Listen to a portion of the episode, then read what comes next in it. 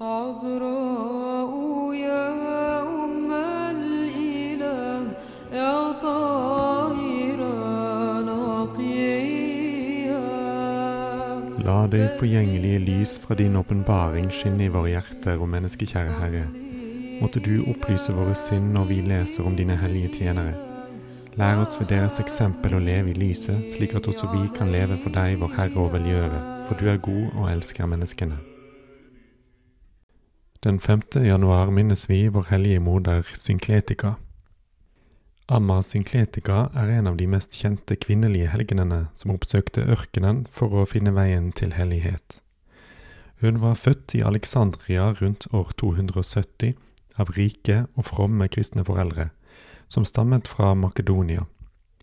Hennes store skjønnhet, hennes forstand og tallrike dyder gjorde at hun fra sin ungdom av var oppsøkt av et stort antall friere, men hun forble døv og stum overfor alle denne verdens tiltrekninger for å kunne trakte etter det åndelige ekteskap med Kristus, den himmelske brudgom. Da hun trellbandt sitt kjød med faste og all slags askese, samlet hun uopphørlig sin ånd i sitt hjertes dyp og ropte dag og natt, Jeg er min elskedes, og min elskede er min. Høysangen 2.16. Da foreldrene hennes døde, utdelte hun sin store formue til de fattige, og flyktet sammen med sin blinde søster langt bort fra byen, og viet seg for all framtid til Gud ved å la en prest klippe hennes hår. Slik ble hun stifteren av det kvinnelige munkevesen, liksom hellige Antonios var det for mennenes. Da hun allerede var trenet i askese, gikk hun hurtig fram på den veien som fører munkene til å leve her nede som om de var i himmelen, og hun drog den største omsorg for å holde sine kamper skjult for menneskenes øyne, for hun ønsket ikke å miste den himmelske lønn. Hver dag døde hun for seg selv og for verden, for å leve med Kristus, og alle de fristelser som ble gitt henne av demonene, avviste hun med kløkt og dømmekraft. Slik hevet hun seg ved de hellige dyder uavlatelig mot himmelen, og som en åndelig vellukt utbredte hun overalt sitt rykte omkring seg uten å ville det selv. Slik kom det et voksende antall ivrige unge kvinner til henne og trengte inn på henne for å få råd og veiledning til deres frelse. Til å begynne med avslo hun av ydmykhet og for å ikke bryte sin taushet, men da hun til sist følte seg tvunget av kjærlighet, ga hun etter for deres inntrengende bønner, og åpenbaret med dype, tårevåte sukk de skatter av visdom og kunnskap som Den hellige ånd hadde nedlagt i hennes hjerte. For det første minnet hellige Synkletika sine disipler om at kjærligheten, den fullkomne kjærlighet til Gud og nesten, er fullkommelsen av Guds lov, den gamle så vel som den nye, andre Mosebok kapittel 20 og Romerne 1310 og at kjærligheten bør være grunnpilaren og målet for alle gjerninger hos dem som trekker seg tilbake fra verden.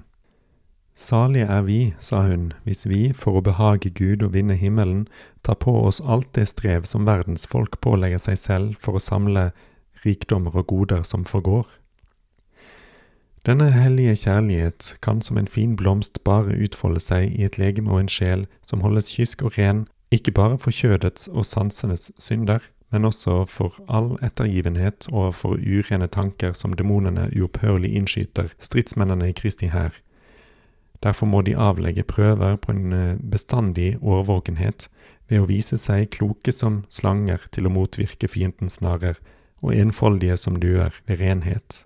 Matteus 10, 16. Som man vasker og bleiker tøyet ved å tre det under fot og vende det i alle retninger, slik sømmer det seg å overgi seg til frivillig fattigdom og asketisk liv, idet man til kjødets dødelse føyer årvåkenhet, dømmekraft, inntrengende bønn og den hellige ydmykhet, for at sjelen kan motta Den hellige ånd og bli liksom en hvit due som hever seg mot Gud. Den hellige hadde ved sin avsondring og sitt skjulte liv vist hvordan man skal gå fram i ydmykheten, kjærlighetens grunnvoll. Derfor sa hun, liksom en skatt blir ødelagt og røvet av tyver så snart den blir oppdaget, slik svekkes dyden og fordufter i det øyeblikk man åpenbarer den. Og liksom voks smelter i ild, blir sjelen slapp og taper sin kraft ved skryt og lovprisning, mens skjellsord og skjenn hever den til dydens høydepunkt. Om det asketiske livet tilføyde hun også denne tankevekkende sammenligningen. Når man tenner en ild, blir øynene først plaget av røyken, og man begynner å gråte, men snart nyter man den velgjørende varmen. Slik må også vi under tårer og lidelse tenne den guddommelige kjærlighetens ild, som Kristus har lovet å kaste på jorden, Lukas 12, 49, for siden å nyte Den hellige ånds trøst.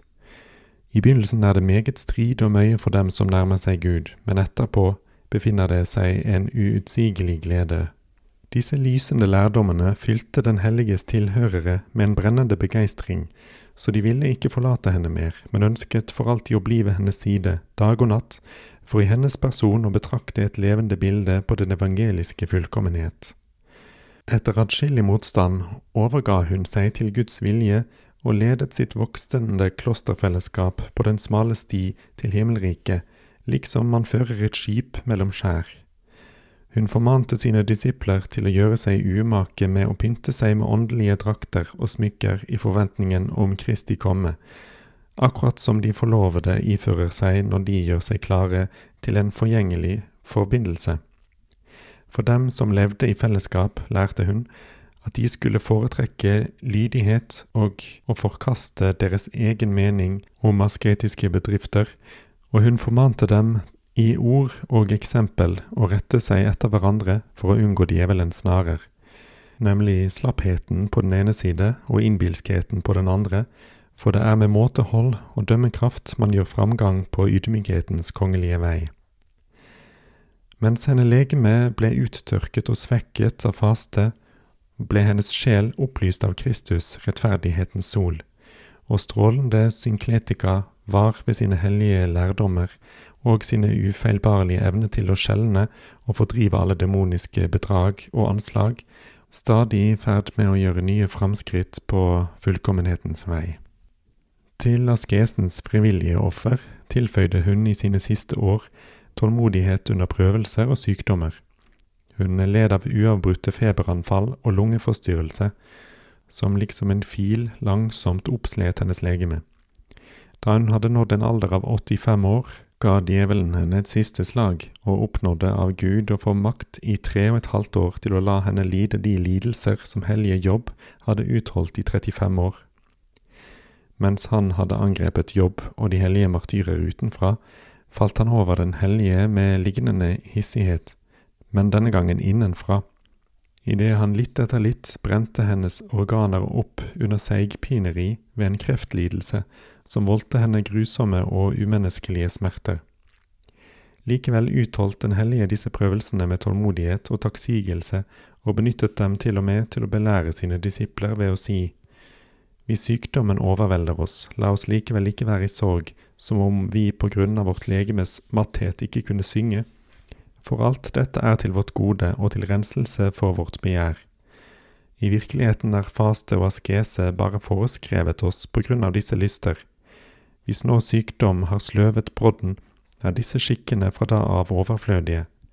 Dette er den store askese, å være utholdende under sykdommen og la takksigelsessang stige opp til Gud.